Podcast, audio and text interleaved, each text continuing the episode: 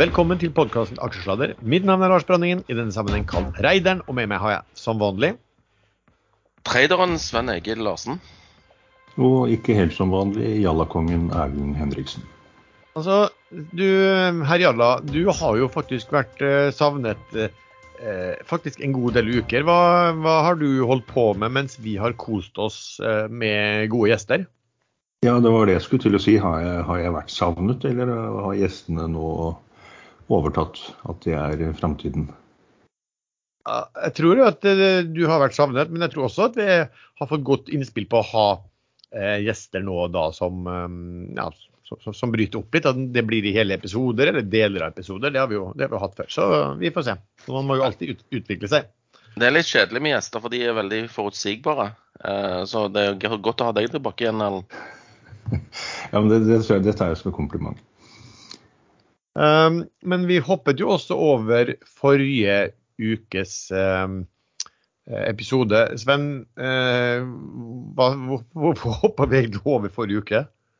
Ja, Det var egentlig du som ikke gadd, fordi du hadde litt russen stemme. Eh, og hva det kom av, det, det, vet jeg ikke. Men jeg traff jo deg eh, i Oslo eh, forrige uke. Eh, på onsdagen, var det vel. Der vi vel liksom var hos Pareto og fikk høre deres beste case for sommeren. Og så var det litt sånn bevertning på, på takterrassen deres, da. Uh, og, og, men det var jo en hel gjeng der, uh, og vi klarte jo å drikke de tomme, uh, bokstavelig talt. Det var tomt for vin og tomt for øl, og uh, megler, meglerdrypp måtte ta oss med på, på bar etterpå, da. Så sånn, dere sånn er det. Dere trengte mer? Vi trengte neppe mer, men uh, det, var, det, var, liksom Det er jo flaut, vet du, å gå tom når du er et meglerhus og liksom er et av Norges rikeste meglerhus, liksom. Da har du undervurdert kundene. Ja, da tar du med kunden ut på litt mer når du ikke trenger litt mer. Ja, Sånn at de glemmer at det var tomt, liksom? Ja, men det gjorde vi ikke nei, nei, det, det, sa vi jo. Vi traff jo mange hyggelige eh, personer som faktisk var lyttere på, på, på denne podkasten. Det var kjekt å snakke med de om ting og tang. Og vi fikk vel en god del ideer til fremtidige gjester òg eh, der. Ja, det... Men jeg skjønner ikke helt hvorfor denne fylle, fyllekulekvelden skal ha noe med aksjesladderinnspilling å gjøre. Nei, du må høre med Lars. Fordi det var han som liksom trakk seg. Ja, det var vel at vi var litt slitne på en, eh, på en torsdag. Og så var det jo vel sånn at uh, en viss eh, vanlig paneldeltaker da veldig sent fortalte at oi, han hadde jo plutselig lovet seg bort på denne fredagen. Så da var vi to, og da var spørsmålet skal jeg og Sven ta det, eller skal vi begynne å få en gjest i hui og hast. Og gjester krever litt sånn forberedelse. Litt sliten på en torsdag. Og stemmen min var litt dårlig, så da fant jeg ut at OK, vi, vi, vi tar oss en liten ukes fri. Sånn ble det. Men um, Erlend, det er veldig godt å ha deg tilbake. For du kan jo starte med å ta vår disclaimer. Ja, for det, de siste episodene har dere da ikke kjørt den som virkelig teller. Det kan jo bli dyrt i erstatningssøksmål. Ikke gjør som eh, vi sier, for vi er totalt uansvarlige. Vi ringer nå dersom du hører på hva vi sier her om markedet, aksjer, enkeltaksjer og livet for øvrig, er ansvaret helt og holdent ditt eget. Det kan forekomme feil i det vi sier i programmet, og panelet og panelets gjester kan være langkort, direkte eller indirekte eksponert i aksjer, selskap og produkter som omtales i programmet, og vi gir ingen anbefalinger. Litt senere i sendingen så får vi også besøk av gameren, for det skjer jo egentlig ganske mye innenfor kryptoverden som han kan rede opp for oss. Men vi starter vel som vanlig da, Sven, med hva har du gjort i skal si siste uke, men de siste par uker. Nei, hva jeg har gjort? Jeg har hatt to Teslaer på service, og jeg har vært i Sirdalen og satt opp et uh, sauegjerde. Um, og bortsett fra det så har jeg kjøpt en del aksjer i Seabird Exploration. Dette er seismikkselskapet med to båter som jeg håper snart får uh, uh, kontrakter. Jeg har uh, Det var merkelig, for nå, nå kommer lyden fra Infront greier på PC-en, mens uh, lyden fra dere kommer i uh, øretelefonen. Så jeg skjønner ingenting her nå. Nei, det er noe nytt. Så du får lov å sette opp sauegjerde i hytteområdet?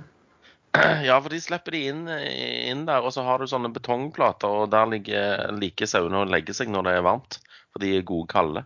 Og så gidder de jo ikke å gå på do på anviste toalettområder, de driter jo bare der de ligger.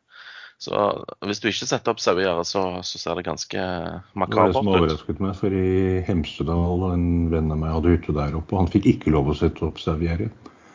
Ja, Sauen skulle få lov å gå og drite der den ville. Ja, nei, vi er litt strengere her på, i Agder, tydeligvis. Uh, jo, uh, jeg har kjøpt Seabird. Jeg håper på kontrakter av typen lengre uh, kontrakter på de to båtene. Jeg, jeg tror egentlig at, de, eh, at, markedet der har stramma seg litt til. I hvert fall de signalene jeg har eh, hørt. Jeg har økt i nye Doff. Der kommer nedsalget neste uke ifølge Lazard, eller spredningssalg.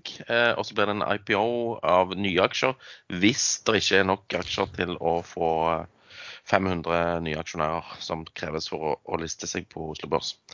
Jeg har jeg har solgt meg eh, kraftig ned i Biofish. Av den enkle grunn at det er et nettsted. Jeg pitcha det case der uh, forrige uke, eller tidligere, tidligere, denne uken. Men det var på mandag. Og så tenkte jeg ja vel, jeg får jo tilgang på nye aksjer til 1,10 neste måned, så da selger jeg ut de jeg hadde nå til 1,30. Uh, eh, så da gjorde jeg det. Jeg har dårlig hukommelse, så nå må jeg kikke her. Uh, jo, jeg har uh, tatt en god del aksjer i Akila Holdings, som er det gamle Carbon Transition. Og før det så heter denne her, Lars Carbon Transition, Axis. og før det heter det Axis? Axis, Axis Geosolutions.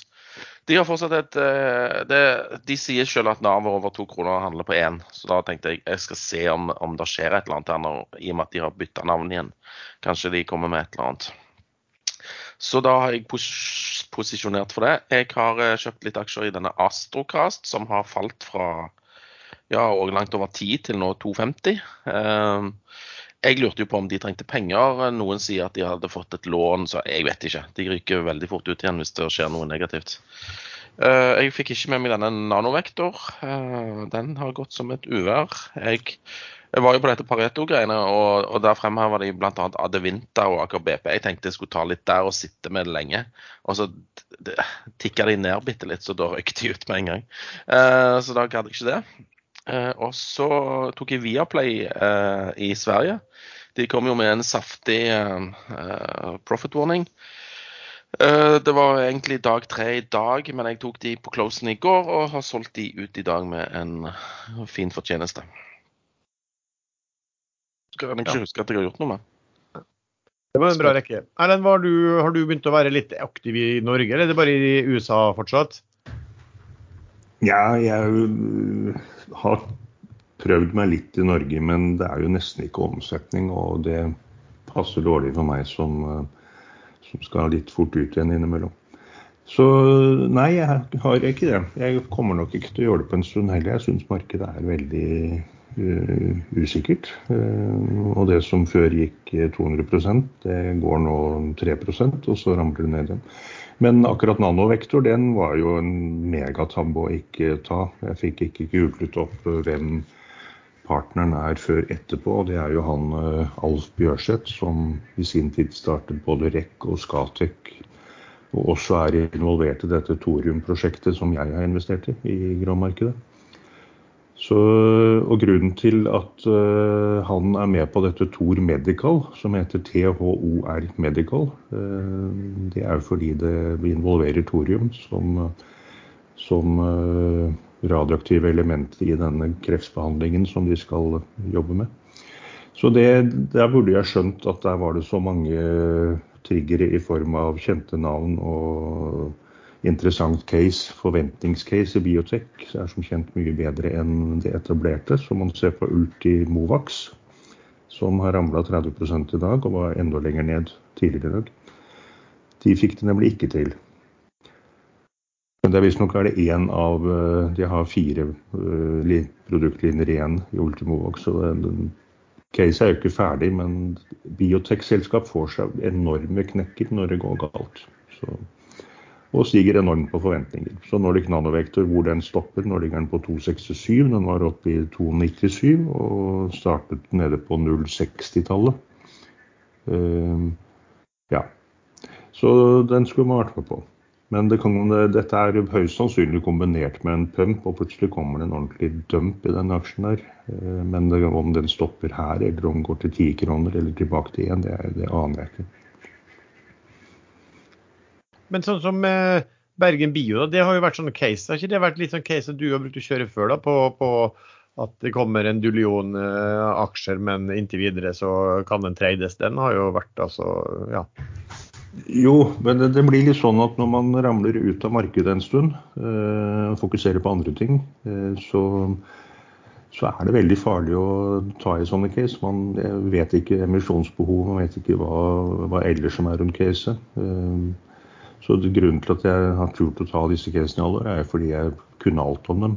Eh, jeg visste nøyaktig hvor mye penger de hadde, hvor lenge det holdt. og og hva meldingen faktisk betød. Det, der er jeg litt ute av det nå, men jeg skal komme meg inn igjen. Så.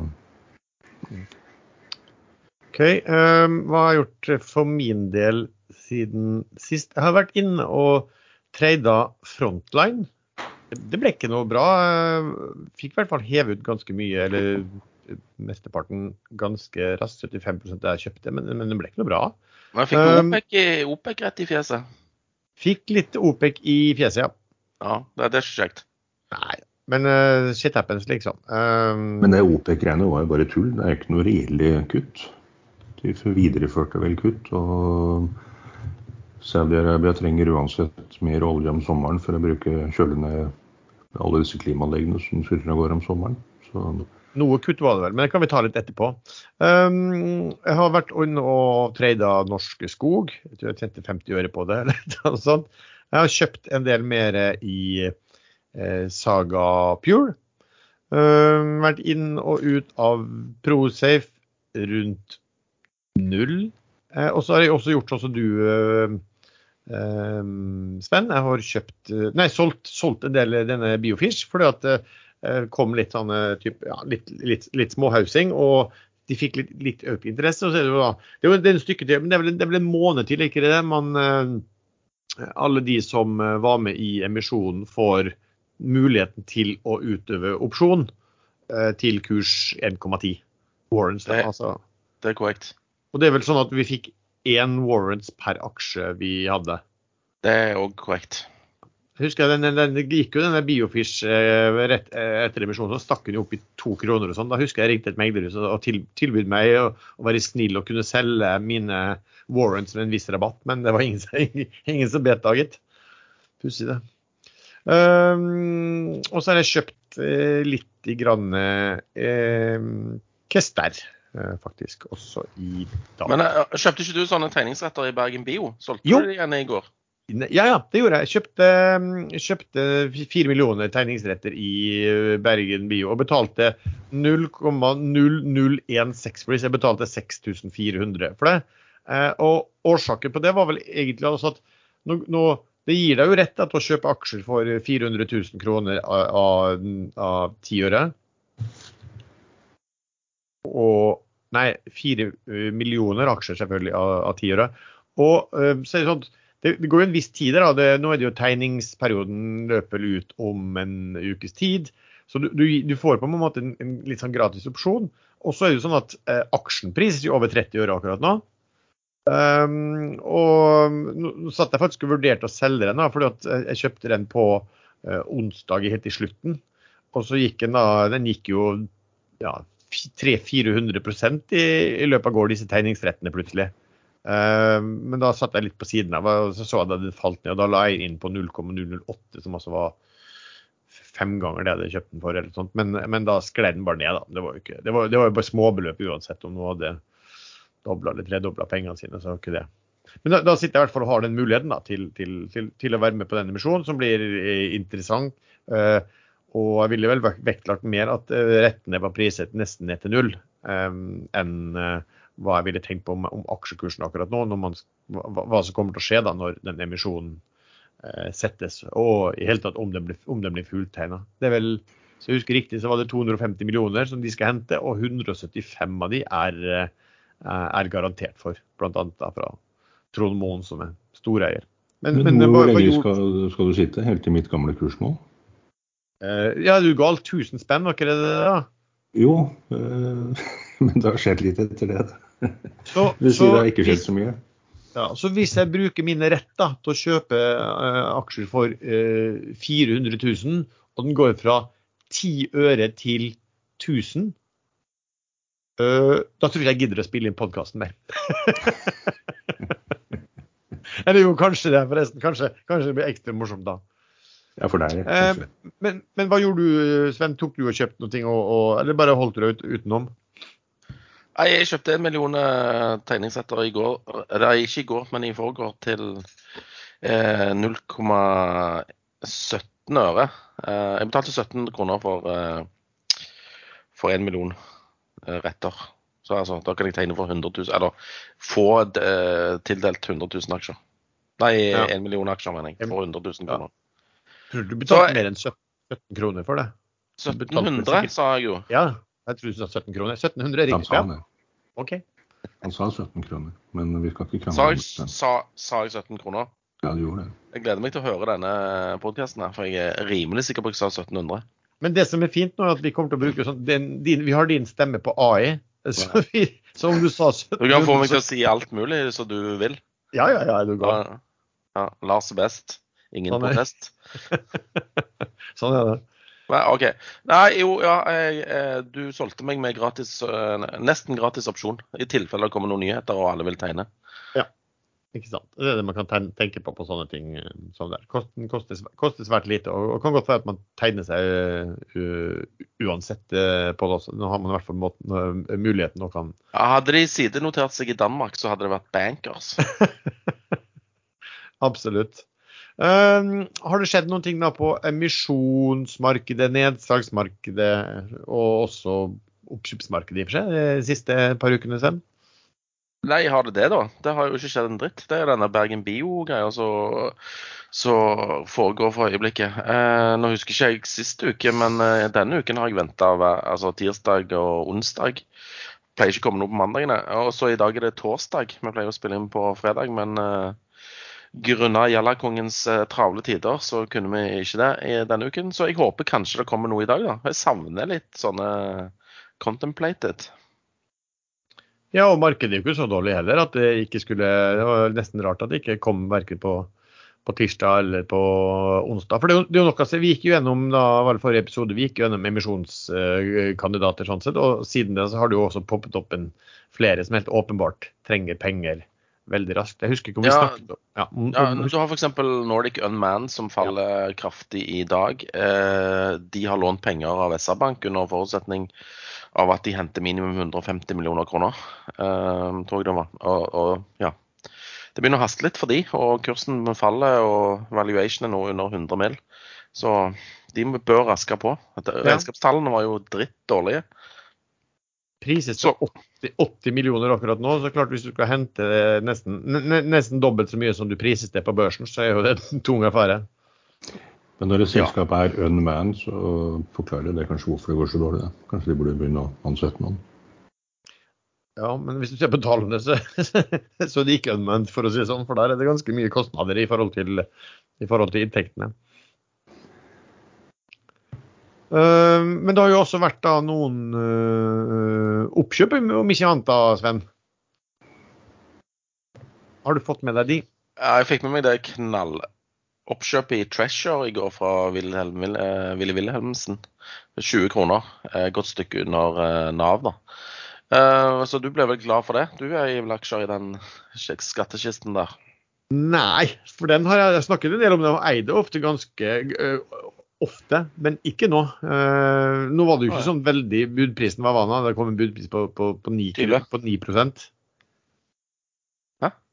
Budprisen i forhold til sist omsatte var ja, sånn, ja. ja, ja. 10% Så det var jo ikke noe sånn uh, veldig uh, Med en gang tenkte jeg at nå, nå kjøper de og, og betaler de Nav. For Nav i Treasure er jo så superenkelt. Det er jo cash og en svært likvid én svært likvid aksje i Korea som heter Hyundai Glovis. Men de betaler langt under Nav. Eh, Jeg tror de regna på Nav på så i avisen at det var 29 eller noe sånt. Så, så det er jo ja, så det er vel fort at man en del så avslår det også, de ikke får full fullt eh, får kjøpt det Jo, fullt. men de skulle, de, de skulle jo bare være greie for at det var så lite likviditet i aksjen, så skulle de bare løfte ut de som ville. Ja, jeg vet ikke hva. De eide jo 78% fra før, da, så det er kanskje en del av presset der på litt innenfor Wilhelmsen også, at de må være mer eh, aksjonærvennlige. Eh, jeg vet ikke. Jeg har jo kalt denne Cheshire for en bastarden på børsen, eh, fordi at den er eid av et, hold, et holdingselskap som bare eier én aksje i Korea, og som igjen er eid av et holdingselskap. Det blir sånn rabatt på rabatt på rabatt. Så hadde vel egentlig ikke noe å gjøre på børsen. Eh, men så har det kommet et oppkjøps- eller tilbud eh, innenfor eh, oppdrettssektoren, eller på shipping for oppdrett. Hva var det, Sven? Ja, det var Frøy. Det, der var det venta at SalMar skulle selge sin eierandel på godt over 70% Det hadde de signalisert. Og så kom Goldman Sachs, type Var det logistikk? Eller var det Nei, infrastruktur. Infrastruktur, ja.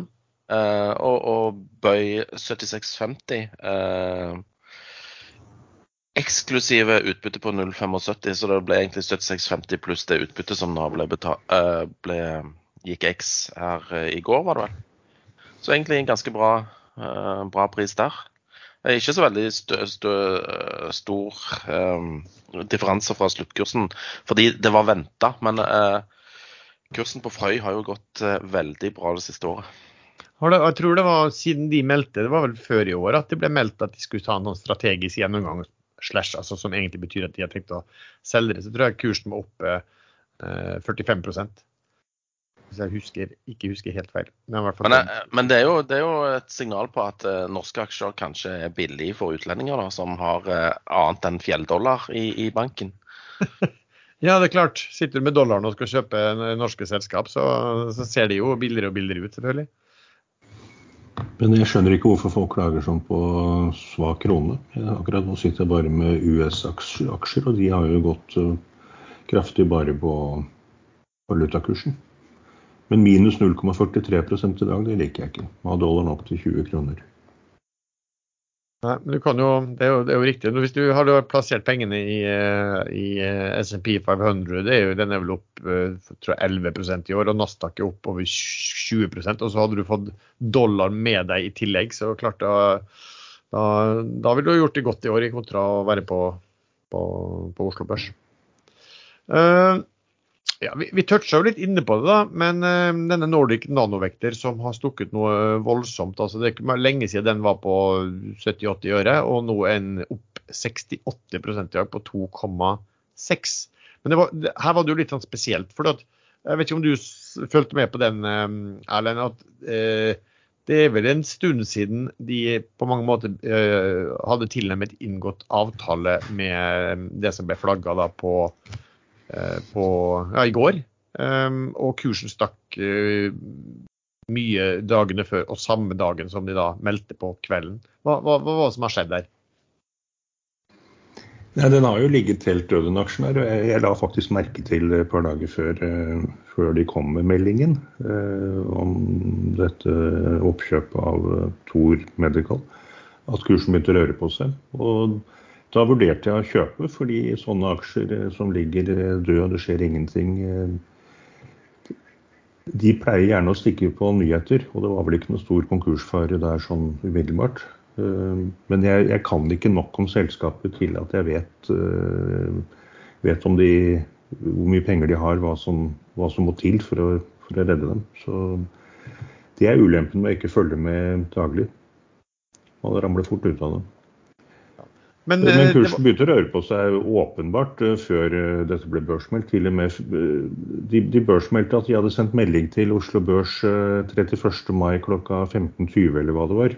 og før det begynte kursen å røre på seg. Ja, men det var ikke mye det, altså. Nei, det var ikke store volumene.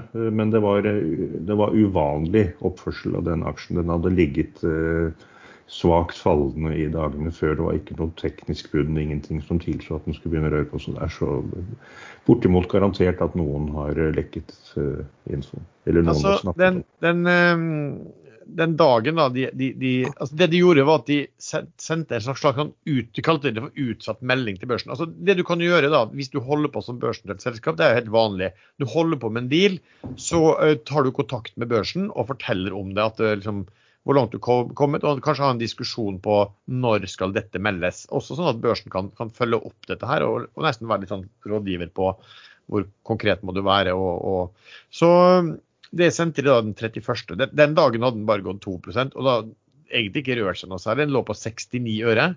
Men det ble altså sendt på ettermiddagen den 31., og den 1.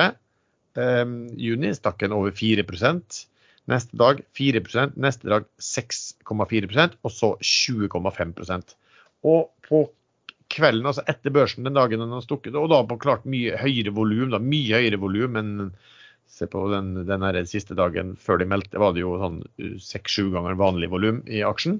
Eh, og da etter børsen på kvelden da, så meldte de om dette her, da.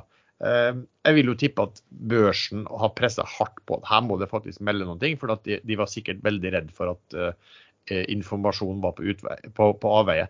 Så så jeg det var intervju med styreleder som sa at nei, det var absolutt ikke noe på avveie her. For her var det bare en tjuetalls personer som var innsidere. Uh, ok, uh, og de, Hver av de som er innsidere, har sikkert sitt sikkert det. De er tilknytta selskap og alt der. Så, så, det høres jo egentlig ut som, som ganske mange, da. Uh, vi, Men jeg, alt tyder på at her er noe, noe har lekket ut og noen har kjøpt på det. Men det kan også være så enkelt som at sånne aksjer er det veldig mange som sitter og følger med på. Og hvis én tilfeldigvis bestemmer seg for at han okay, tar 10 000, 20 000 eller 100 000 aksjer, som er litt uvanlig, så, så kan det i seg selv trigge videre oppgang. Og når den da går 4-5-6% to-tre dager på rad, så er det ikke helt uvanlig at den plutselig stikker 20% Men det lukter litt uh, tåfis. Som... Ja. Jeg er enig med deg, men bare, det er litt, bare litt morsomt å si at uh, den dagen uh, de da etter børs sendte melding til Oslo Børs, altså den utsatte, en slags hemmelig melding, da var det kun et volum på ca. 20 000 aksjer. Dagen etterpå var det 360 000 aksjer. Og den siste dagen før de, før, før, før de sendte den meldingen, var det 1,4 millioner eh, aksjer. Det er, jo ikke store, jo ikke så store beløp uansett, da. Men eh, så har det da smelt av gårde etter dette her. Og, og, etter meldingen da, så steg jo den i går med 65 og i dag opp nye 68 da. Så den har gått fra 70 øre til 2,70 på, på en eh, ja, ukes tid. Og da blir det jo grei fortjeneste hvis man har plukket 500 000 aksjer på 70-75 øre. Ja. Men som sagt, det var, det var veldig lite volum der, så nesten ikke så no, noen har klart å skaffe seg så mange aksjer en gang uh, heller, vil jeg tvile. Men det blir jo interessant. Uh, det jeg kan være sikker på, det er jo at uh, Oslo Børs de kommer til å gå gjennom den aksjonærlisten å se hvem, hvem har kjøpt disse dagene. Um, så, så, blir jo det interessant. Men det, kan fort være sånn som du sier, at det er bare FOMO, at noen ser at det begynner å gå også. Og så hiver man seg på i påvente at, og tror kanskje at det skal, skal komme et eller annet som som det gjorde da.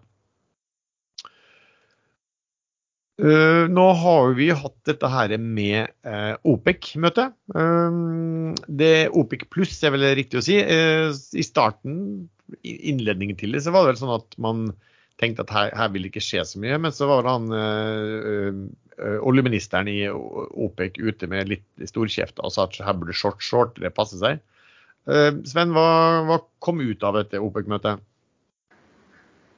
en gjeng med, med, med um, lakenkledde mennesker. Var det du mente? du mener at når du gikk ut etter møtet, ja? Kanskje inn også? Nei da. Eh, det, det, kom ikke Altså, de skulle videreføre uh, i hovedsak alle kvoter, mens uh, Saudi-Arabia skulle Eh, frivillig kutte ekstra, sånn at de skulle kutte totalt én million fat ut Var det ut 2024, eller var det ut 2023? Tenkte du på Saudi, altså ba, bare de? Ja. ja. De hadde vel noe eget i 2023, vel det de Eller inntil okay. videre, egentlig. De, ja, egentlig, ja, ja, riktig. Nei, Ellers så var det å videreføre de kvotene som allerede var bestemt tidligere. Men det var Saudi som eh, da frivillig skulle trå til for å, å skvise noen spekulanter. Som de hadde advart mot. Ja. Men du har ikke fått sånn veldig mye nytte av det? Før har jo ofte fått Nei, det, det, det er ingen Altså, markedet trodde ikke på Saudi, da, tydeligvis. Altså, av, av kursen Eller oljeprisen falt jo eh, rett etterpå, egentlig. Ja, men nå har den kommet Ja, nå har den kommet seg opp. for Rysta var jo ute i, i media og sa at oljeprisen skulle til 100, 150, var det det? Ja, men når? Nei, Det vet ikke jeg. Nei, Men, for han har vel vært jeg, jeg, jeg, jeg Han er jo eh, det er først skal han til 40, og så 150. Eller først 150, og så til 40. Jeg vet da søren. Nei, for jeg husker han sa at i 2024 så skulle den ned til 40-50 eller et eller annet. Det er jo ikke så lenge siden, da, men eh, det, okay, det er sikkert kommet mye data siden den gangen, så kanskje han har endret seg um, ganske kraftig.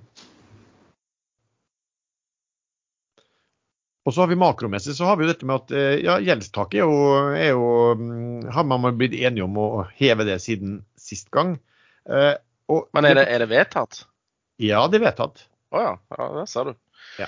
Jeg bare det- tenkte at det ordner seg jo, og det ordner seg alltid. Og det ordner seg denne gangen òg. Ja. Men det som har skjedd da i mellomtiden, er at altså, det her har jo vart en stund at uh, man, man har nådd gjeldstaket. Og så har USA klart seg med, med hva skal vi si, de cashmidlene de hadde.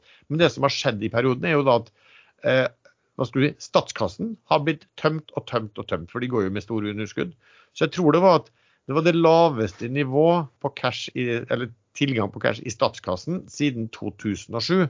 Og de har jo en fjell av forpliktelser hele tiden. Så nå må de eh, innen utgangen av året så må de eh, ta opp lån for 1, det er jo trillion, da, det er vel norske billioner, da. 1000, altså, eller for å si sånn, de må hente inn eh, 1,1 1000 milliarder dollar eh, fra markedet. Hvorav 850 milliarder dollar eh, må de hente inn i lån i løpet av de neste fire månedene. Jeg leste at de, de også, for å komme fra dag til dag, så henter de faktisk inn penger med én dags forfall. Da går det helt opp i over 6 rente. Ja, Så da blir det jo interessant for uh, mange å heller putte pengene der enn kanskje en kort uh, aksjeinvestering. Det er jo ikke 6% rente fra dag til dag, men uh, årlig rente. Nei, for det, det, det, det er jo poenget der. For at, altså, kan si at kanskje da har det vært penger også inn i Hvis vi snakker om disse bankene vi snakket om i USA, som har eh, kanskje store eh, altså, I hvert fall de store innskuddene. Altså hvis USA, staten, skal hente så mye penger, altså de pengene må jo komme fra noen. Eh, Det kan fort gå litt utover bankene på innskuddssiden, at eh, det er innskudd der som brukes til å kjøpe eh, statspapirer, selvsagt. Og så kan det også være selvfølgelig at, at pengene flyttes, sånn at det blir ikke så mye penger tilgjengelig for å være inne i, i um, aksjemarkedet. Eh, Hva, hva tenker du om det, Sven? Ja, eh, jeg må ærlig innrømme at jeg, jeg sona ut her nå og logga meg inn i Tesla-appen for å se hvordan det gikk med reparasjonsfremdriften. Så jeg er enig i det du sa, Lars, for det meste. Men du, du, er, du mer forsiktig? hvis du, altså Det var dette med at USA må hente så utrolig mye penger fra markedet i Nei, eh, jeg, sånn. jeg, jeg bryr meg ikke. Men eh, jeg tenker mer på denne smellen som kommer i en, en næringseiendom som alle har flagga kommer. Og Finanstilsynet så sent som i dag sa at, eh, eh, at det er ustabilitet, eh, og at bankene kan bli, bli ramma av, av tap. Så, men alle vet jo om dette, så det er jo ikke sikkert at smellen blir så veldig stor. Men, men bolig, altså på boligsiden, da, Nibor, altså den, den, hva skulle den interbank, eh, eller pengemarkedsrenten da, i, i USA, nei i USA, i Norge, sier jeg, den er jo gått over 4% nå. Og man forventer seg at det blir ytterligere eh, oppgang fordi at Norges Bank vil sette opp renta. Så man snakker jo om da at sannsynligvis da i andre halvår så kommer du til å få en boliglånsrente på over 5% Altså hva Klarer folk å takle det her? Hva tror du, Erlend? Nei, det er allerede nå veldig mange som sliter. Det er, det er fascinerende at uh, så mange har tatt opp, helt, helt vanlige familier har tatt opp uh, veldig mye lån fordi husprisene har vært høye. Uh, og, klarer ikke 3% effektiv renteøkning. Det var barnelærdom da jeg vokste opp og ble stor, at man skal tåle 5 prosentpoeng renteøkning. Men altså Jeg, jeg må det ikke det lenger, for det husker jeg når jeg, jeg Ja, nå er det satt ned til 3 Eh, det var, vel, ja, det var vel 5% en stund, men det, det virker absolutt som at noen har klart å omgå den regelen eh, med litt triks og litt hjelp fra bankene. Det er, eh, det er en dobling av utgiftene når den går fra under 3 til, til pluss-minus 5. men boliglånsrenten stiger kraftig. Da skulle man jo tro at det fikk følger for, for boligprisene. Eh, jeg ser at man ikke setter i gang noen nybygg og at eh, det er lite salg på nybygg. Men, men boligprisene ser jo ikke ut til å ha fått noe, noe som helst smell på dette her. Nei, det, det, har nok vært litt trykk fra ukrainere som har uh, søkt asyl og fått asyl i Norge. Det er mange av de som kommer med, med midler, vil jeg tro. Uh, hva hvis det plutselig blir fred i Ukraina og disse flytter hjem? Uh, kommer det da nye, nye objekter ut på markedet til salgs? Jeg vet ikke hvor mye de har kjøpt, men det, det er som du sier, det har vært eh, stopp i boligbygging, og det, det var allerede for lite. Men man ser jo på de aller fleste andre markedene, eh, klokkemarked, bilmarked, kunstmarked, eh, at det har stoppet opp. Så det er egentlig bare boligmarkedet igjen. Ja, men, det vi ikke ser på, det er jo god aktivitet likevel. Altså Bare se på folk, altså folk som reiser det tyder jo ikke så veldig mye Når du ser sånn trafikktall fra Norwegian, så tyder jo ikke akkurat på at folk har sånn spent inn livreima eh, så voldsomt. Det husker jeg leste en gang om tidligere øh, krakktider, at det å reise og det å gå på restaurant, det er noe av det aller siste folk kutter ut med. Man skal, vil gjerne vise naboer og venner at dette går bra. Ja, det er jo litt interessant. Men det er jo litt at hvis du plutselig begynner å få en smell på boligprisen, så så har du jo en del banker som eh, er mye mer eksponert der enn hva de er på, på næringseiendom. Ja, det er som Sven sier, alle snakker om mye næringseiendom som må refinansieres i USA nå. og Jeg vet ikke helt hvorfor det er sånn at det kommer til høsten, men det er sikkert fordi rentene falt så voldsomt at det var mange som refinansierte akkurat på samme tid for da x antall år siden. Og mange av de vil ikke klare å refinansiere nå. Men som Sven sa, det kan godt være at dette er frontrønt allerede. At ikke det vil gi noe utslag. Nei, men det er jo ikke sånn, sikkert ikke noe behagelig situasjon at eh, hvis du var et stort eh, eiendomsselskap i USA og du er nødt å refinansiere eh, nå, og, og, samtidig så vet du at eh, eh, myndighetene er ute og også skal eh, låne helt enorme beløp. Da, for det, det kan jo trekke opp altså inn likviditet, interesse, opp rentenivået, ikke sant. Hva tror du, Sven? Nei, går det bra? Eh, hæ? Går det, går det bra? Eh, ikke med deg, men med refinansiering. Å oh ja, nå trodde jeg det var et, et, sekunds omtanke for andre men det var nei, nei. Nei, empatien det, ja. det, det, står i kjøreboka for Akerstadder at empati skal vi ikke ha noe av. Nei, vet du hva. Eh, jeg lurer òg litt på dette her, fordi at det har ikke skjedd så veldig mye refinansiering fram til nå. Så når det da må gjennomføres, så vet ikke jeg eh, hvem som får smellene her. Men eh, det med boligmarkedet, jeg syns det er merkelig. Men det er jo ikke merkelig i og med at alle ny, nybygg har, har stoppa opp. Da, da, må du jo gå på eksisterende boligmasse for å ha en plass å bo. Så Nei, jeg, det er det som gjør meg litt usikker på markedet. Jeg har liksom fløtet med nå et års tid, føler jeg. Men nå begynner jeg å bli litt sånn Det kan jo være at uh, det, det, oppstår noe, noe, ubalanser her nå i nær framtid. Men uh, som du sier, det kommer vel ikke før til høsten. Ja. Altså, Ubalanse i markedet, så kan du nevne altså, sånn som SMP 500 i USA. USA har gått veldig bra i år. Den er jo også opp, indeksen opp 11% Men snittselskapet der er opp 1,1% og Det er jo fordi at da disse tunge eh, aktørene, det er de som virkelig har gått. og Man, man kaller jo nesten de for AI-aktører nå, Artificial Intelligence, at de er eksponert der. Og så har de fått så eh, sterk oppgang. Så, eh, men er det noe du er urolig for, Sven? At, at, du ser at oppgangen er såpass smal i USA og, og sikkert også andre steder? Ja, men det, det, har vi jo poengtert uh, ganske lenge, at det er de store tech-selskapene som, uh, som, får uh, hele pengestrømmen. Og, og, men jeg lurer på om Apple satte toppen med disse nye dykkerbrillene sine til 34, eller 3500 dollar stykket. Det, det Jeg forsto ikke helt hva det der var for noe. Det er egentlig, det, det er ikke bare briller, det er faktisk fulle computere. Det erstatter, men det er selvfølgelig for én person. Det erstatter jo TV-skjermer og PC-skjermer. Fulle computere, i motsetning til edru computere? Ja. så, der, der, har du et poeng, faktisk. fordi disse gamle Google VR-brillene, der blir jo folk sjøsyke. Men eh, Apple mener at de har klart å synkronisere lyd og bilde og alt dette så ekstremt raskt at man ikke blir det lenger. Ja. Så disse kommer til å erstatte, erstatte disse fyllebrillene som du kan ta på deg?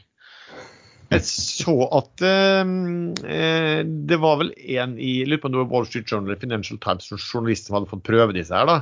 eh, og hun skrev vel at nei, hun hadde følt seg litt sånn småkvalm eh, også ved bruken av dette her.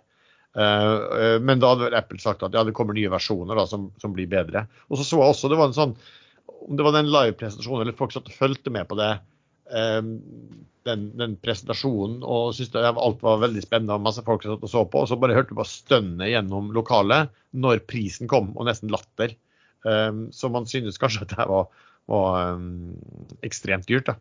Ja, jeg, jeg, så noen vitser på det. Det, det var liksom det, 3499 dollar for den uh, brillen, og så 1999 uh, for snorkelen, sold separately.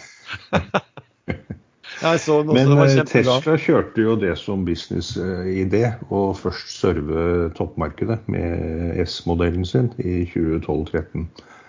Og det fungerte veldig bra. De solgte overpriset til de som eh, ville ha og ville vise fram og hadde råd til det.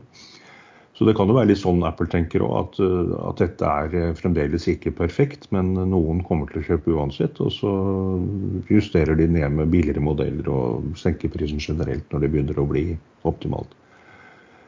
Men før jeg så den, jeg, jeg fulgte med på hele presentasjonen, før jeg så den, så har jeg alltid tenkt at VR og multiverse vil aldri bli, bli, noe av før man får redusert disse digre brillene ned til en liten kontaktlinse. Uh, ingen som vil gå rundt med sånne klumpete briller, det funker jo ikke. Men akkurat de dukkebrillene til Apple de ble jeg litt fascinert av. Det var veldig mye de har som de andre VR-brillene VR ikke har. Ja, nå, så Det gjelder vel, det kan vel være at dette blir solgt til bedrifter og sånn i, i startfasen. For, for, en sånn pris så klart du betaler 40 000 for eh, type briller der, og, og, mulig at du følger deg kvalm første gangen. Så jeg tror nok det de må nok ned på noen ting i et helt annet prisnivå etter hvert. Og, og, i hvert fall dokumentere at du har en, bruks, si, en bruksmetode som gjør, gjør, at du faktisk nesten tjener penger på det. Kanskje det tredje ideen her er å gå long disse som eh, lager disse sjøsyketablettene? God idé, Sven. Det har jeg ikke tenkt på. Må, det, må vi, det, må vi, google hvem, hvem som er eksponert der. Um, Altså, når vi, men når vi snakker om aktivitet, så, så synes jeg det var interessant å så, se på at altså Nordnett de bruker jo å publisere månedlige tall eh, på kundemannen sin om hvor mye de har brukt. Og Der var det sånn at antall handler fra altså, norske kunder eh, mai year over year hadde falt 38% Og hvis, de, hvis du da målte eh, antall handler per dag eh, i forhold til, eh, eller per børsdag da, i forhold til bare april, så hadde det falt 8% på det. Jeg synes Pareto sa noen ting av det samme også, at de hadde også opplevd liksom fall, ganske mye fall i den siste perioden. Hva, hva tror du kan årsaken være til det, Sven? Det har uh, ikke vært så enkelt. Uh, og du ser jo bare på vår kjære Gjalla-konge, som da har uh, bare begynt å drite i den norske børsen og, og handle andre plasser. Det har vært et litt vanskelig marked eh, i Oslo, syns jeg, da. Ja. Hva tror du, Erlend? Jeg, det, det samme som eh, Sven. Det, det, det er volumet tørket inn. Eh, det, det, oppfører seg ikke som det gjorde før. Men det, det er litt pussig, fordi det meste er jo sånn nær all time high. Oslo Børs er vel nå ikke så langt unna all time high, og det er vel USA også. Så, men man har liksom ikke følelsen av at, uh, at det er så er det likevel. Det, det er, I USA er det jo AI-aksjer som nå drar på noe voldsomt. Uh, der har jeg sittet og sett på ja, Den aksjen du kjøpte, Sven, AI, den som heter C3 AI, den kjøpte vel rundt 10 dollar. Den ligger nå på 36.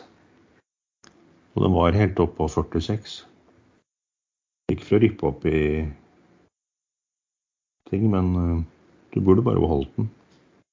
Men, men kan ikke det med Reater også være altså, Vi husker jo at det kom inn veldig mange eh, nye også inn i markedet under covid. og eh, det ble jo en periode kjøpt altså Veldig mye folk som heiv penger inn i alt som ble notert av grønt, eh, som skulle på Euronext. Growth.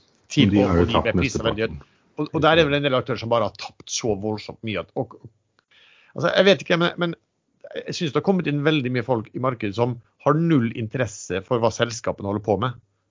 Uh, bare at dette er sikkert smart. altså litt, Nesten litt sånn betting uh, der du bare better uten å, uten å være interesse. Og klart, Hvis du da taper en god del penger på det, så, så, orker du ikke å holde på med det hvis du ikke har noen sånn genuin interesse for, for noe som helst. Så det kan kanskje være en del av det. Um, og pluss at da, Norge har jo gjort det ganske svakt i år i forhold til, ja, til, til, en del andre børser. Så nå vet jeg de tallene, jeg, jeg, vil jo tro at når de snakker om handel per dag, så har de også med norske, altså norske aktører hva, hva de handler i utlandet. Jeg tror ikke det er på eh, Oslo Børs, jeg tror det er hva, nordmenn generelt sett handler om. da. Jeg kan nevne, jeg har jo dette nyhetsbrevet som heter Børsekstra, som går til 17 000 hver dag. og Det har jeg snakket litt om før. fordi at i, i, forhold til hva man ser av aktivitet der. Jeg ser litt av det samme. altså Der hadde vi jo måneder under eh, covid hvor jeg fikk over 2000 nye eh, abonnenter på en måned. Eh, og nå så jeg, når jeg så dette på Nordnett, så tok jeg kikka sjøl siste måned i mai. Og mai var faktisk første gangen hvor det var flere eh, altså Det var det færreste jeg tror jeg har hatt på antall nye. Eh, og så var det det Eh, første gangen det var flere som hadde meldt seg av, enn som hadde meldt seg på. Um, så det, det viser jo litt manglende interesse. Så kan du si at Det som var fint der, var jo å se at eh, faktisk var det på det høyeste noensinne på antallet av, av de som mottok det, antallet som faktisk åpnet det.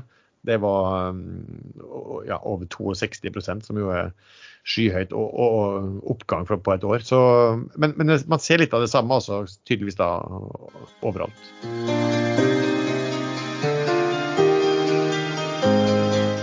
Børsekstra er Norges mest populære daglige nyhetsbrev om aksjer.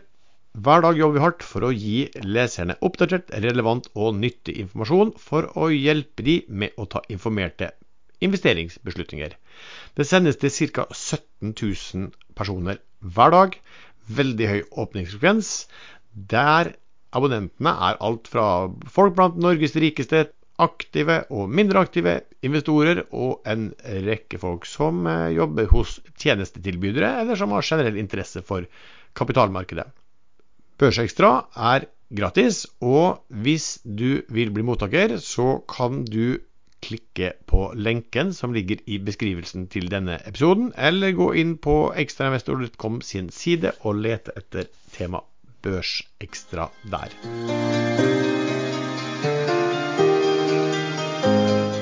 En annen som har vært ute, da, og vi, vi, nå toucha vi kanskje på, på det på noen, noen, grønne fiaskoer, var at det var jo en kjente investoren som heter Arne Fredli.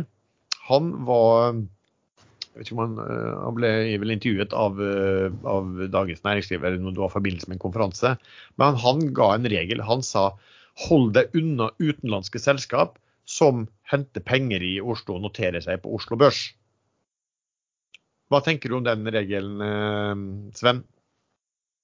Det tenker jeg er en uh, god regel. Uh, det fikk jo meg fra å ikke tegne i denne Secret, uh, Secret Petroleum i Brasil. Så den dobla seg jo da rett etterpå. Så det var jo en god regel. Nei, jeg tror, det tror jeg er feil. Hæ? Tror ikke den har dobla seg. Jo. Nei. Den ble gjort på seks kroner. Ja, men har ikke de, gjorde ikke de en eller annen sånn Har ikke de Spleisa de? Ja, reverse split, liksom. Ja. En to. to, to til én, så du kan, du kan, dele på to. Da er det på flatt. Jeg har gått og irritert meg nå i mange måneder her fordi at den så har dobla seg. Du, uh, har, du, har, du vært, sagt, uh, har du vært veldig irritert over det, Sven? Er det sånn? Ja. Du, nei, jeg tror jeg leste feil, Sven. Det er riktig. Den har gått, da dobla seg. ja, ja, nei, men, men Anders Fredriksens selskap, er det utenlandske selskap? Nei selv om de er notert. Du, du må jo se på bakmennene. Røkkese Aker er jo nå utenlandsk. Røkke bor i Sveits. Ja, men han er jo norsk.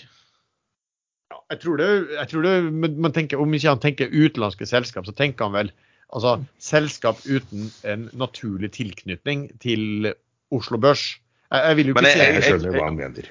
Jeg tror det er selvopplevd, fordi han var jo stor i denne her eh, rekefabrikken i Kina. Og det gikk jo ikke så jækla bra.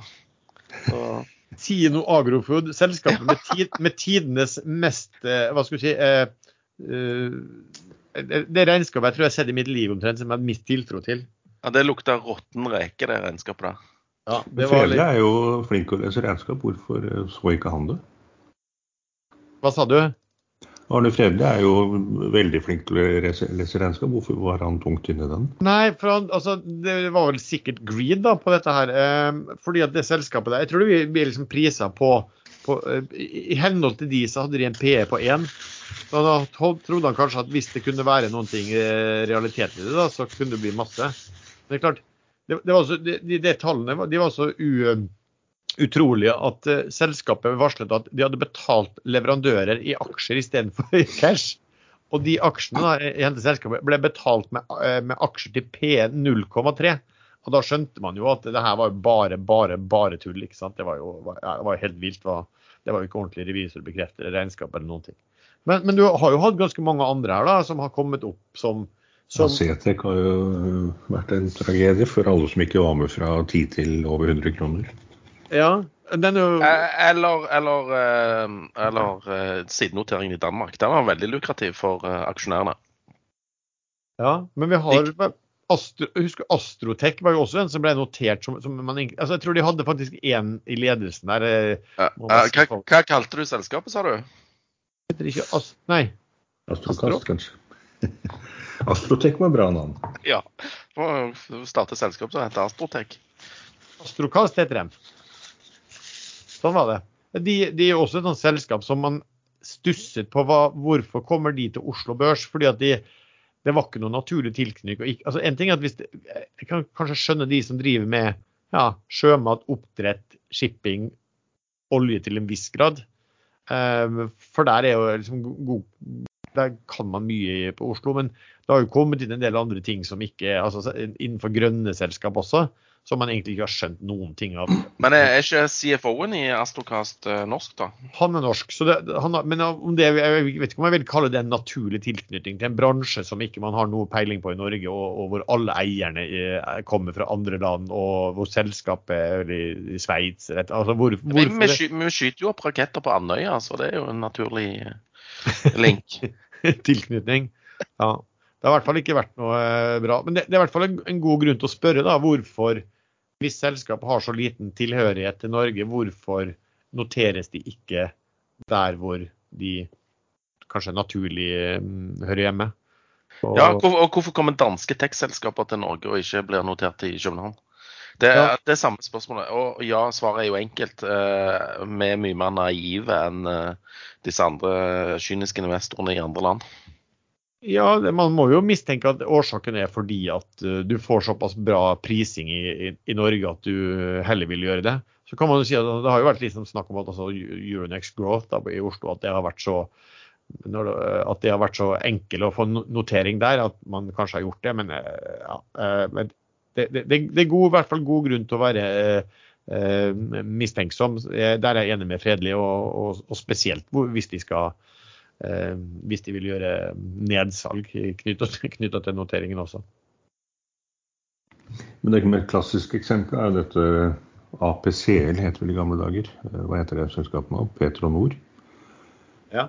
De var notert i Australia og ble vel mer eller mindre bedt om å forlate børsen der, og prøvde seg i London og fikk blankt avslag pga. forhistorien til han eh, Frank Timmis. Og så kom de til Norge. Det har jo ikke vært noen suksesshistorie. Pareto hadde forresten i uken som gikk, så hadde de et eh, AI-seminar. Jeg var, hørte på det, og egentlig var, var ganske interessant. Men spesielt kanskje hva eh, Microsoft fortalte om hvordan eh, hva de gjorde og hvilke muligheter det her var. Det er jo ganske, er jo ganske mm, ekstreme muligheter både for ja, effektivisering og på alle mulige måter. Um, jeg har også sett altså ChatGPT, da, som jeg bruker, jeg bruker en ChatGPT 4, en betalingsversjon. Der har du jo også, Den har jo vært sånn at den har en cutoff på um, i 2021, at, at informasjon på nettet etter 2021 ikke har vært med. Men nå har jo de knytta til en nettleser, så du kan velge å, uh, la nettleseren uh, gjøre jobb. Og så har de også fått plugins, da. Um, så um, ja. Da kan du jo lage alt mulig. av, Du kan lage videoer og du kan gjøre ting ekstremt enkelt. Bare så, som jeg testa til gutta i panelet her, så, så, lag, så, brukte jeg et minutt på å lage en eh, video, bare, egentlig bare ved en tekst. og skrive kan man eh, få en person, en AI-person til å si denne teksten her på en video. Så, som så egentlig ganske Hun var ganske pen, hun som eh, ønsket meg tilbake?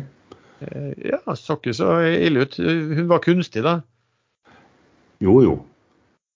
Men få få det litt sånn mer 3D inn i en Jeg tror vi kanskje dropper den. Ja, du, altså, nei, vi tenker å droppe. Altså, det du ser for deg, er liksom en sånn AI-elskerinne? Ja, f.eks. Men jeg har jo sett den filmen uh, I Machina, eller hva den heter for noe. Og det gikk jo ikke så bra da. Eh, og, hva da? Het den? Noe med Machina, uh, hvor det var uh, en en AI-elskerinne som som drepte med kaldt blod etter hvert. Og stengte, stengte hovedpersonen inne i en kjeller, så han aldri kom seg ut igjen. Og gikk ut i verden. Og, og det, jo, det, ender jo med det. De overtar. Eh, og de er jo mye sterkere enn oss. De kan jo være uendelig sterke. Så dette går jo aldri bra. Ja, Nå var vel det sånn fake news, visstnok, men det, det var i hvert fall noen avisartikkel om at det var amerikanske myndigheter som skulle teste en sånn AI på, på, på eh, presisjonsbombing, men at det hadde en menneskelig operatør som måtte styre og gi aksept da, eh, før den slapp bomben. og og AI-en fant da ut at det, eneste smarte var jo å bli kvitte seg med han operatøren. For eh, han hindra jo AI å, opp, å klare å, å, fullføre sitt oppdrag og bombe mest mulig av disse. Så han starta med å bombe eh, operatørene. Og det, det, kan vel være sånn eh, Erlend, at hvis du får deg en sånn AI-elskerinne, så kan det være at, at det, litt, hvis det blir litt turbulente forhold her, så ja, kan det være at den tenker sitt på en litt annen måte enn en, en kvinne, kvinne ville tenkt i samme sammenheng. Ja, og kanskje bruker noen muskler på en litt annen måte enn det som er behagelig. Så dette kommer jeg ikke til å tørre. Vi har jo vært flinke å ha med oss gjester nå den siste tiden i Aksjesladet. Og nå får vi med oss en gjest som ja, Jeg vet ikke om vi kan definere deg som gjest, for du har jo vært med i eh, panelet inntil du eh, plutselig ble funnet eh, attraktiv nok i arbeidslivet til å få deg en god jobb. Velkommen tilbake til oss, Erlend Arnøy Aka Gameren. Jo, takk, Lars. Eh, det er alltid gøy å være tilbake. Jeg eh, ser at det faktisk er seks måneder siden jeg var her sist, så det må være lenge nok til at folk ikke er lei av meg, tenker jeg. Så det er alltid gøy å være tilbake og diskutere seriøse og useriøse ting på børs med dere. Ja. Hvordan går det med, går det med, med, med jobben din? Nei, altså Jeg har jo jobb ennå, så da tenker jeg jo at jeg gjør en god jobb. Eh, men det å drive bedrift i Norge, det er utfordrende om dagen. Det kan vi vel eh, alle være enige i som eh, prøver å bygge, bygge butikker, eller bygge butikk for, for AS Norge. Erlend, eh, vi kan starte med å snakke altså, Det foregår en del innenfor krypto, har fått med meg, og en del bruduljer i forhold til ja, amerikanske myndigheter og store kryptobørser. Hva, hva, hva, er det som skjer innenfor det området for tiden? Jo, Altså, eh, I USA så har vi disse SEC, eller Security Exchange Commission, eh, de som skal regulere børs og, og, sånt. De er veldig glad i krypto, not. Eh, så de har jo saksøkt Binance eh, US. Eh, Binance er jo verdens største børs eh, for krypto. de har en egen avdeling i USA som heter Binance US, og det er pga. regulering. og den blir nå saksøkt av SEC. Eh, det er en ganske, ganske, omfattende sak på 140 sider eller noe sånt. Eh, og det er ganske alvorlige ting de, de beskylder Binance for. Men de har iallfall gått til full krig mot Binance, og de truer vel faktisk med å ta alle pengene de får fatt i på Binance eh, US òg. Så det har påvirka mye krypto denne uka, og det har vært gode, gode svingninger. Men, men bare sånn, hvorfor at myndighetene går mot en sånn kryptobørs som har en avdeling i Oslo, hvorfor påvirker det kryptomarkedet generelt? Nei, det, det, er jo et godt spørsmål. Eh, fordi Binance påstår jo at Binance US og resten av Binance er atskilt. Og det er òg, sånn jeg har forstått det, egentlig hele dealen. Binance.us er regulert i USA, mens amerikanere og amerikanere kun handler på den. Mens Binance er ikke regulert i USA, og der kan ikke amerikanere handle. Men så viser jeg nå at det sektor påstår, er at Binance har latt amerikanere registrere seg og handle på Binance. Altså ikke USA-versjonen, men ja. den internasjonale versjonen. Og dermed brutt, brutt de reglene som skal være. Eh, men så er det jo alltid eh, når den største aktøren blir angrepet av SEC. Altså SEC er jo store og massive og kanskje verdens største eh, kredittilsyn. Blir det korrekt å kalle de? Ja, det tror jeg. Ja. ja. Ja, så, så, eh, og de truer med å fryse penger og sånne ting, så blir det jo alltid litt, eh, litt uroligheter. Sant? Eh, er jeg ramma, kan jeg bli ramma? Eh, og I tillegg så har de jo òg saksøkt eh, eh, Coinbase, men det er jo for andre ting enn det Binance er, er saksøkt for. Altså det Binance-greien er ganske alvorlig. Sånn, eller det kan være alvorlig. Men er det nå en generell kryptokamp som nå ikke bare sekk, men også i Kina, at de vil bli kvitt det? Nei, og det er det som er litt morsomt. eller litt interessant, for Hvis du tenker liksom krypto, så har du Asia er generelt ekstremt kryptovennlig. Uh, da, tenker vi hele Asia, ikke Kina. Uh, og de, var det ikke Hongkong som akkurat åpna for uh, mye mer krypto. Og så har du Europa, som ligger litt etter Asia. men der har vi jo Mika-regelverket som kommer om, husker, altså Det kommer snart, snart i hermetegn. jeg vet ikke hvor langt det har kommet regulatorisk, men det skal komme. Så liksom, I Europa så blir òg alt regulert. Og så har du USA som ligger milevis bak. For veldig Mange sier jo at jo, men nå blir det forbudt i USA, men kommer det til å skje i Europa. Og Svaret er nei. Europa har veldig veldig god regulering. Eh, Mikroregelverket er altså Alle kan gå og google det og finne hva, hva det inneholder. Så, så, liksom, Her er det USA som er siderumpa, mens Asia er veldig, veldig, veldig langt foran. Eh, det de, det de saksøker Coinbase for, det er jo at det er eh, Som jeg finner, finner teksten, eller om jeg klarte å slette det. Men det var at de egentlig driver uregulert eh, handel med, med ja, si, børsprodukter. Altså De mener da at kryptovalutaene burde vært registrert som ja, securities, altså De mener at det er securities som da skal reguleres av SEC. og så ja, det, det, det, er på en måte Coinbase eh, krangler med dem om. I tillegg er det flere stater som har saksøkt Coinbase. Jeg har ikke lest nøyaktig hva det går i, men det er liksom 10-15 stater som saksøkte de samme dagen. Så jeg antar det går på akkurat det samme, nemlig at det er uregulerte securities. Så nei, USA er virkelig, virkelig anti-krypto om dagen. Eh, og det tror jeg de taper på, fordi Asia er helt omvendt. Eh, og til og med Kina driver og åpner litt. Så Eh, gode, gode, tider for de som er regulerte og i regulerte markeder, og dårlige tider for de som driver i USA. Så Hadde jeg bodd i USA og hatt penger på de børsene, så hadde jeg vært bekymra. Men jeg har ikke penger på de børsene, jeg bor ikke i USA, så jeg, eh, jeg tenker at dette bare er midlertidig støy. Men vet man noen ting liksom, internasjonalt om liksom, eh, hvor mye, altså volumene som går over disse her børsene, hvordan det er, har utvikla seg? Altså, synes jo at eh, at man leser mye mindre om eh, krypto nå enn hva man gjorde for eh, ja, et år siden? Eh, volumene er mye lavere. Ekstremt mye lavere. Eh, det som er litt kult, eh, hvis man tenker Norge, da, eh, så er det ei hjemmeside eller side som heter kryptopris.no slash statistikk. Den drives av Eldion Trading, som er største markedmakeren i Norge og en av de større i Norden. Eh, der ser du dagens, månedens og årsomsetningen på alle børsene i Norge.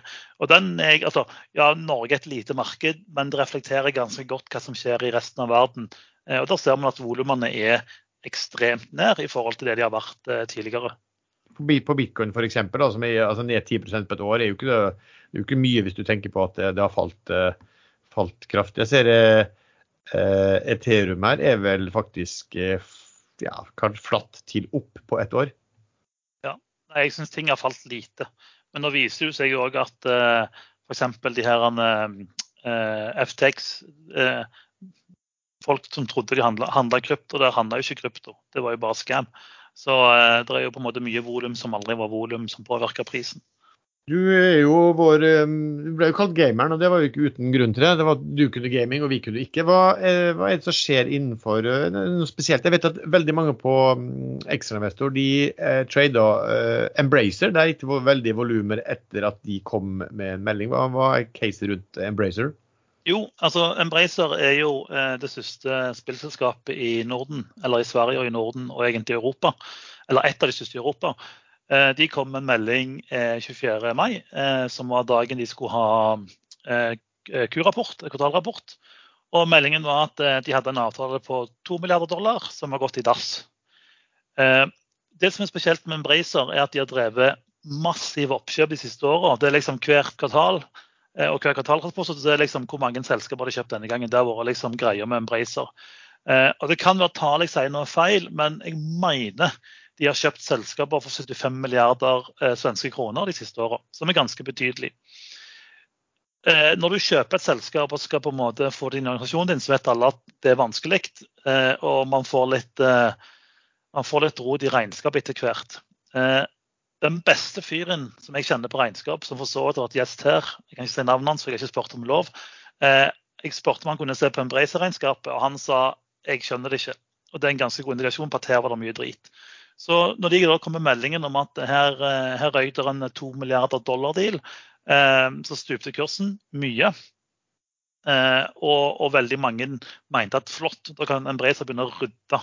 Eh, rydde i regnskapene og rydde organisasjonen sin. For de har en sinnssyk organisasjon med sinnssykt mye selskaper og sinnssykt mye rot. Så, men Nå husker jeg ikke hvor mye den falt, men det klarer vel du å se hvor mye den falt den dagen. Eh, men den har iallfall vært ganske hot å trade etterpå, fordi eh, den falt fra Falt fra over 40 til eh, nesten halvert Den Han var vel nede i 20,99 på det minste. Eh, og så spørsmålet er det overdrevet. Selskapet er fortsatt verdt 30 milliarder. Eh, men eh, svenske selskaper er ofte gøy å trade fordi det er fryktelig mye penger i Sverige når det går, går bra. en av de største eierne i Embracer er Savvy Group, som er eid av eh, den Saudi-Arabia. Eh, og når man da trekker privatflyet til sjefen i Embracer til Saudi-Arabia etter dette rapporten, så steiger kursen bare på det. Så liksom, Embracer har vært ganske interessant å, å trade eh, den, de to siste ukene. Sånn at jeg ser jo at Embracer har jo vært da, ja, Innenfor tre år så har de vært i 100, over 130 kroner, altså i 25 nå. Men, og de har gjort masse oppkjøp. Er det da sånn at aksjen reelt sett i hvert fall har vært overvurdert. For, for har du en, en, sterk, en overvurdert aksje som, som, folk aksepterer på en måte, så har du jo skaffa deg en veldig sterk valuta. Og da kan du jo bruke den sterke valutaen, eh, egentlig hvis du er smart, da, til å kjøpe andre selskap eh, til eh, så, ja, så mye som mulig. Er, det liksom historien kanskje bak at de har vært så overvurdert, og, at, eh, og så har de brukt valutaen til å kjøpe masse selskap, men kanskje, kanskje ikke lykkes sånn som de håpet med det, og da igjen innhenter hva skulle du si, ja, realiteten med dem? Du det, altså det, du sier er helt rett. Altså de har jo, nå klarer jeg ikke å få hvor mange emisjoner de har hatt, men de har jo trykt aksjer som fulle sjømenn, og de har kjørt spleiser og splitter og, og tjohei. Og, og egentlig, altså, de fondene som har vært i Embracer lenge, har jo gjort det veldig bra fordi Embracer har gått bra. Og så har alle skjønt at her må det ligge drit i regnskapet, og det blir de straffa for nå. Men for å liksom putte ting i perspektiv, Embracer har over 11 000 spillutviklere, altså ansatte som jobber med spill. Og jeg tror siste rapporten så hadde de 220 spill i produksjon. Så liksom, dette er et gigantisk maskineri. Men nå fikk de pisk, da. Så får vi se hvordan det går videre. Men det som er gøy, da, er at altså, gaming har jo vært veldig lukrativt de siste åra. Og så har de store selskapene blitt litt overvurdert, sånn som Embracer. Og dermed har alle hoppet på dårligere selskap. Men nå har vi fått en knekk på mange av de store, og dermed er det en oppside igjen. Så vi kan jo snakke litt mer om andre selskaper òg. Eh, en av mine favoritter er jo Stabris, den har jeg snakket om tidligere. Eh, det også et selskap som var høyt vurdert, og så brukte de litt mye penger. Og så gikk de mest en konk. Men de sitter på den største eh, spill-IP-en vi har i, i, Norden, nemlig Payday. Der lager de et spill nå. Eh, de er akkurat i ferd med å fullføre en emisjon eh, som de henter inn 480 eh, millioner i, eh, svenske kroner. Eh, og i går eller foregår kom det rykter om at spillet lanseres 21.9. Og dette er da et spill som har 10-20 millioner eiere i dag, altså Payday 2.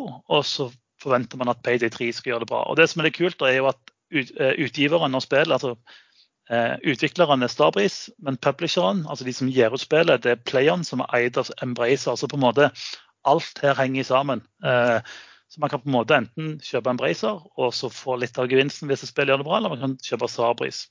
Hvor mye er Starbreeze til på børsen nå? Sånn, cirka? I dag er de priset til 479 millioner sekk, og så henter de jo 480. Nei, 450.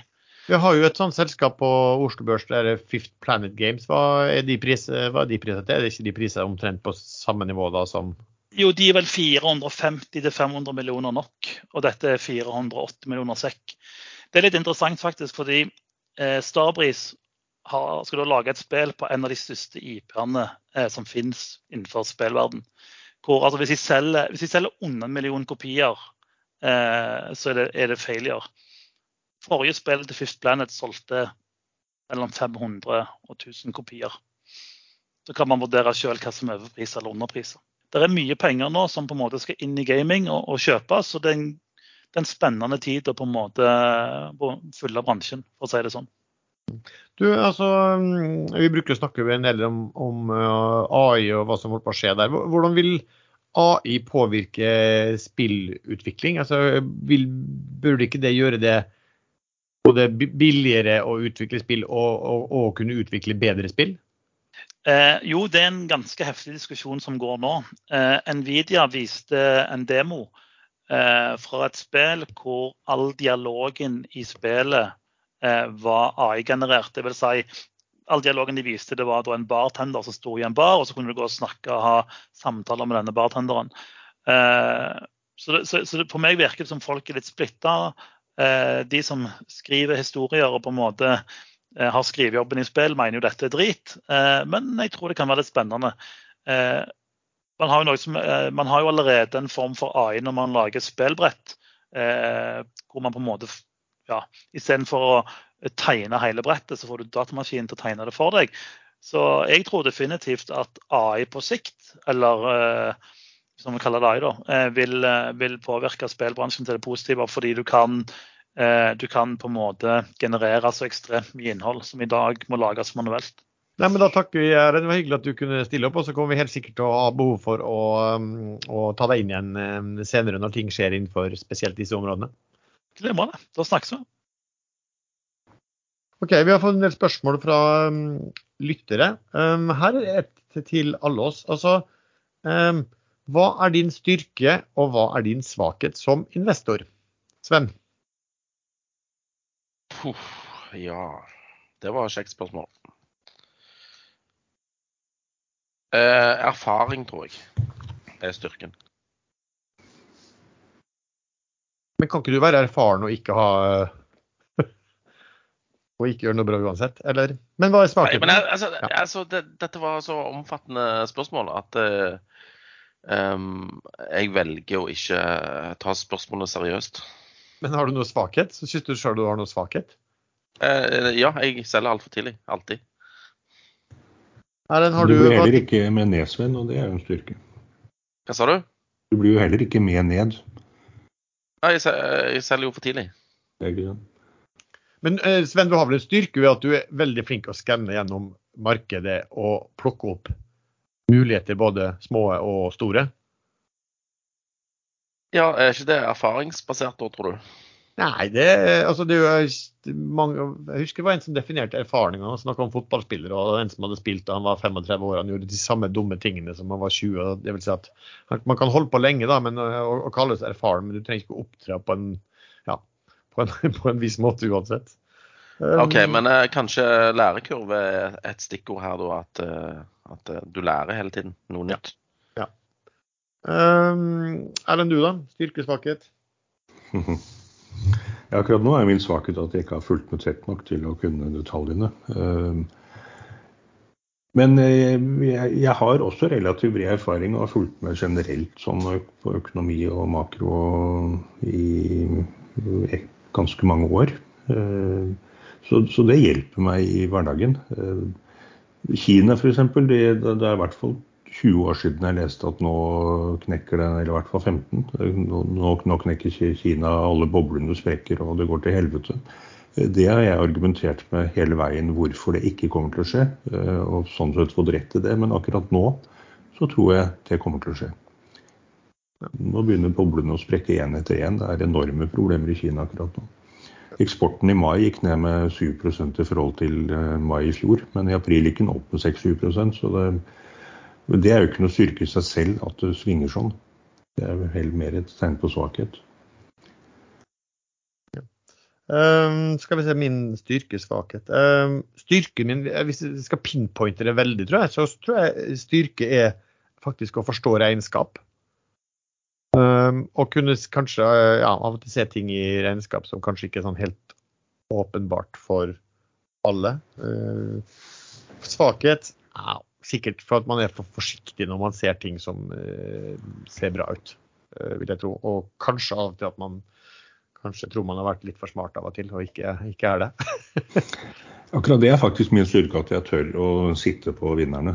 Eh, jeg så her i fjor jeg fikk en liten baksmell på skatten, og da trodde jeg egentlig at eh, det hadde gått dårlig. Men da jeg sjekket, så hadde jeg faktisk en syvsifret på Etsu. Ensu av alle aksjer.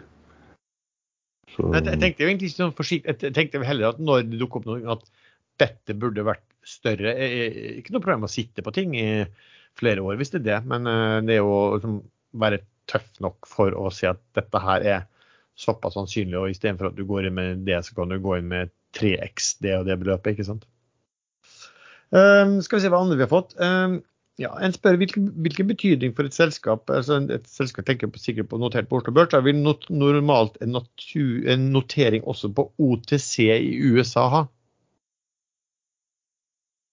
Erlend? alt jeg har fulgt med på, så har det null og niks betydning. Det eneste er kanskje disse eh, store, men de går jo rett på Nasdaq. De går jo på de store børsene. Eh, Fro og Sidril og sånne. Sidril er jo ikke der nå, men de skal vel tilbake på US-børsen. Men disse småselskapene som ja, nå, nå, nå, nå, nå, tuller du, fordi at eh, Sidril er, notert i, i USA. Jeg handla Sidril senest i går i USA. Ja. Når ble de notert? Ja, stemmer det. Selvfølgelig. Det har vært en stund. De var ikke det da de, de trakk noteringen før det ble restrukturert, og så kom de tilbake. Så det er tullte. Men disse småselskapene som kjører en sidenotering i USA på OTC-børsene, det har jeg aldri noensinne sett at påvirker kursen, eh, i hvert fall ikke positivt. Nei. Eh, eh, Sven, kan du huske noe selskap som liksom har notert seg utenlands og dermed blitt liksom oppdaget og fått en, hel, en, en klar reprising? Nei. Så jeg tror ikke notering på OTC har noe å si. Jeg ser eh, Kahoot skal på Nasdaq, men det er vel i 2024, sier de. Og de har jo snakka om det før og noen år også, så ja, det kan bli litt motsatt effekt òg, for sånne som Sven eh, ser jo kjapt at her kan man, eh, hvis en aksje har gått voldsomt på Oslo Børs eh, før USA åpner, så kan man kjøpe den samme aksjen i USA og eller shorte samme aksjen i USA og bytte fra børs til børs. Så det, det, tar litt toppene av det som kanskje ellers ville vært godt og godt. Mm. Ehm, spørsmål til deg, Erlend. Hvordan ble navnet Jallakongen til, og hva gjorde du for å få den tittelen? Hm. Det var vel kanskje litt den type selskap som jeg ble kjent på på Extra Vestor etter hvert, for å putte pengene mine i. Eh, det var jo ikke akkurat de mest seriøse selskapene. Gamle Trinn og Idex og sånn. Så spesialiserte meg litt på, på det. Der lærte jeg veldig fort at man ikke skal bli med ned. Man bare vipper ut hvis det gikk feil vei.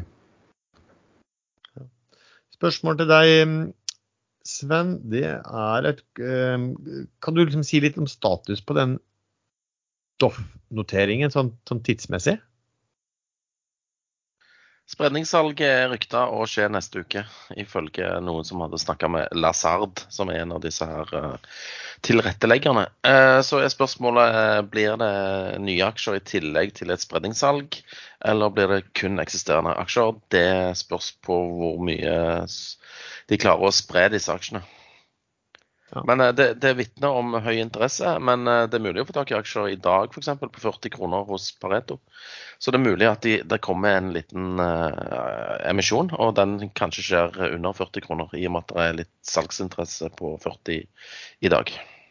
Men altså, det selskapet her er jo overtatt av um, ja, klart det er en del aktører som har kjøpt obligasjoner da, for at de ønsker å bli, bli konvertert. Da, men du har en veldig stor andel av det vi kaller for ufrivillige aksjonærer. Da. Folk som egentlig ikke ville være eiere av aksjer, men som, som ville være långivere. Så bør de ikke prøve å få gjort et betydelig nedsalg. fordi at Ellers så kan du jo risikere at OK Jo, si, men oh, ja. det, det, det, har de prøvd på. Uh, og ifølge de som snakker med folk close til dealen, så er det ingen som vil selge mye. Så det er jo derfor de, de, de sliter litt med å få nok aksjonærer. Ja.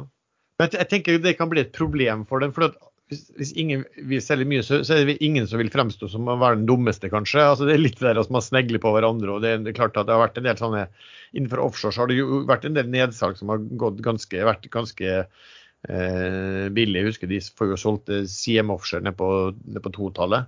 Men, men, tror du ikke da at hvis det ikke skjer nedsalg, og så vet folk at her er det masse folk som egentlig ikke skal eie dette, at det kommer til å ligge som en sånn klam hånd over den kursen så lenge. Og, og hver gang blir, kursen begynner å gå litt, så begynner folk å tenke at ja, nå, nå er det bare tidsspørsmål før det kommer, eh, før det kommer eh, nedsalg over børsen.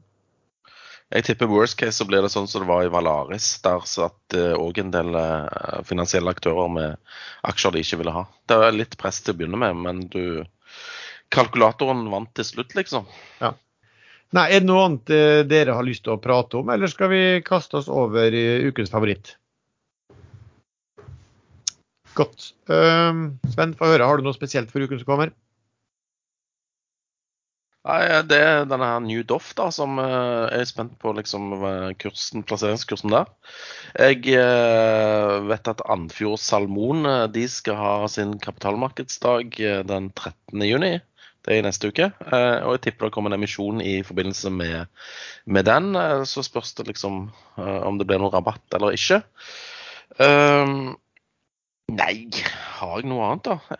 Jeg følger med på Seabirden, som jeg har kjøpt meg opp i. Jeg følger med på Akila. Neppe noe ukescase, egentlig. Men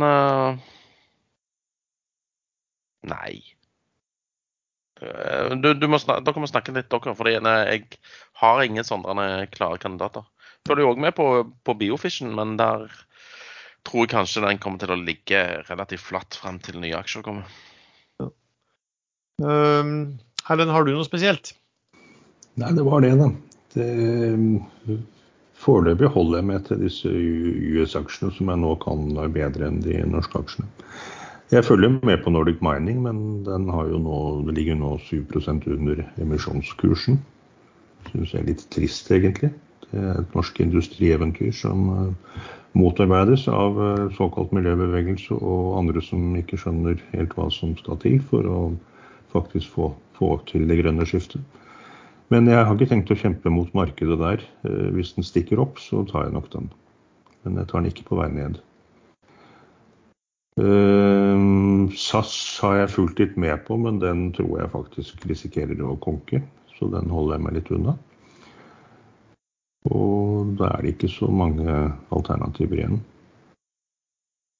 Nei.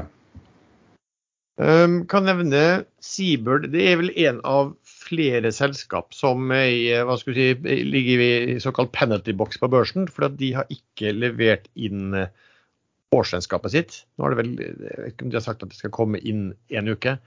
Eh, det kan vel alltid være altså, Det er jo ikke noe godt tegn. Det kan jo tyde på, ofte tyde på at man har en uenighet med en revisor, men ofte også at, man, at det er ting som må dokumenteres bedre. Sibel holder jo også på med eh, på å skal refinansiere dette lånet sitt, og det løper jo faktisk ut i juni. Så Sånn sett er det jo grunn til å være litt eh, forsiktig der. Nå, har jo selskapet uttalt seg med ganske stor selvtillit da, om den refinansieringen. Ehm, så, og Forhåpentligvis så er det jo sånn at det lånet gjør å åpne for at man kan begynne å gi utbytter hvis de kan det. Og så ser jo det markedet ganske bra ut. Så jeg eier en del der, ehm, der selv også. Um, så, så, det blir interessant å se. da, og Jeg tror den, en refinansiering kan eh, Hvis det går som man håper, da, eh, kan være en, en klar trigger for den, eh, for den aksjen. Jeg kan nevne da Saga Pure. Er jo, det er jo da at han som da tidligere sjefen der, Bjørn Simonsen, han solgte jo en god del aksjer. aksjer og dro den kursen falt jo ned mot 1,40-tallet da. Eh, og så var det jo at man, når man begynte å sjekke litt mer, så var det jo sånn at han hadde jo faktisk en opsjon på å kjøpe 5 millioner aksjer eh, av 1,2. Så åpenbart så måtte han ha selge for å eh, kunne tiltre den opsjonen. Veldig merkelig og helt ja, helt, egentlig helt hårreisende at uh, selskapet selv ikke kjøpte. For de, kan kjøpe aksjer selv, og de har masse cash. De er jo prisa til langt under nettcash. Og at de da ikke kjøper aksjer av ekssjefen til under nettcash, det er veldig spesielt. Uh, da tenker jeg litt at man opptrer sånn at alle vet dette er smart, alle sier de til at dette er smart, og da skal de være smartere enn alle andre ved å ikke gjøre det. Uh, og det kan jo av og til gå bra, men stort sett så går det ikke bra. Så, så det ja, uh, Hvis han skal ut med Nå har jo noen ca. 17 millioner aksjer etter å tiltre det. altså Hvis han skulle ut, så burde selskapet faktisk uh, kjøpe han ut på hvis man får, kan det på disse, disse, verdiene her. For det vil være veldig innvandrende for alle andre aksjonærer. Så, så hittil er det jo en, en, altså en helt ja, Jeg har nesten ikke ord for hvor, hvor, hvor idiotisk det der virker. Det er ikke noe krangling mellom Simonsen og Spetalen som ligger bak dette? Altså, det, mange?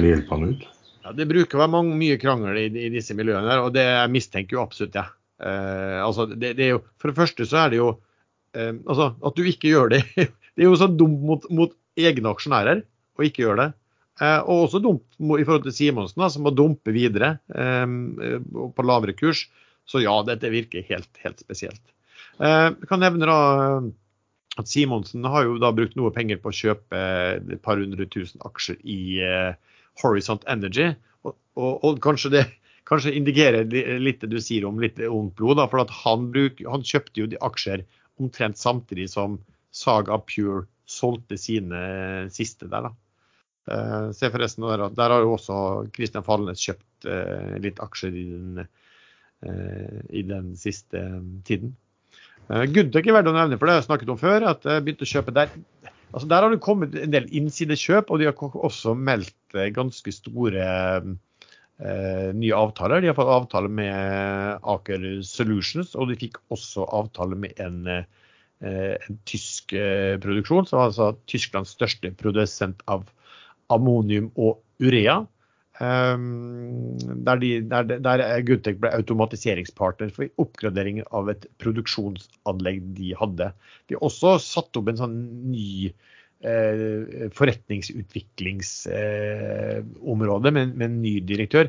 Altså, så jeg syns, jeg syns veldig mye ser bra ut der på de tallene og på de områdene hvor de eh, har liksom spissa seg nå på, og hvem som kjøper aksjer og hvem de får avtale med. Eh, så ville jeg sagt kanskje at ville kanskje sett, sett ett kvartal til for at de skal dokumentere at de faktisk er inne i en uh, ved, litt mer vedvarende god steam.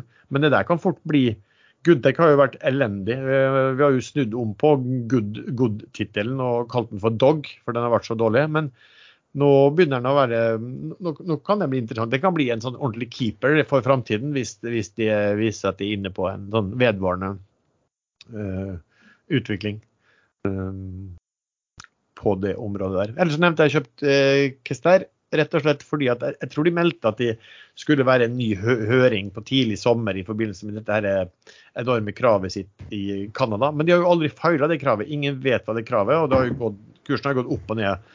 Folk har trodd at nå kommer det krav, og så har de kjøpt aksjer. Um, så ja, altså, det fant jeg vel bare ut at jeg kunne kjøpe noen aksjer, og kanskje kommer det nå noe eh, kommer det noen krav nå før, eh, eh, ja, før, før, sommeren egentlig begynner. da. Så det er vel det jeg har å, å, å se på det. Og så vil jeg bruke neste uke på å tenke selvfølgelig på tegningen i uh, Bergen Bio, om man skal bli med eller om man uh, skal, skal, droppe det. Ja, Eller så kan det være, være, at det kommer rekyl, en rekyl i denne her Viaplay. i Sverige. Så det kan jo være en å følge med på i neste uke. Ja. Eller, Du, bare, eller om jeg var på torsdag. Det, følg med på den fra i dag av.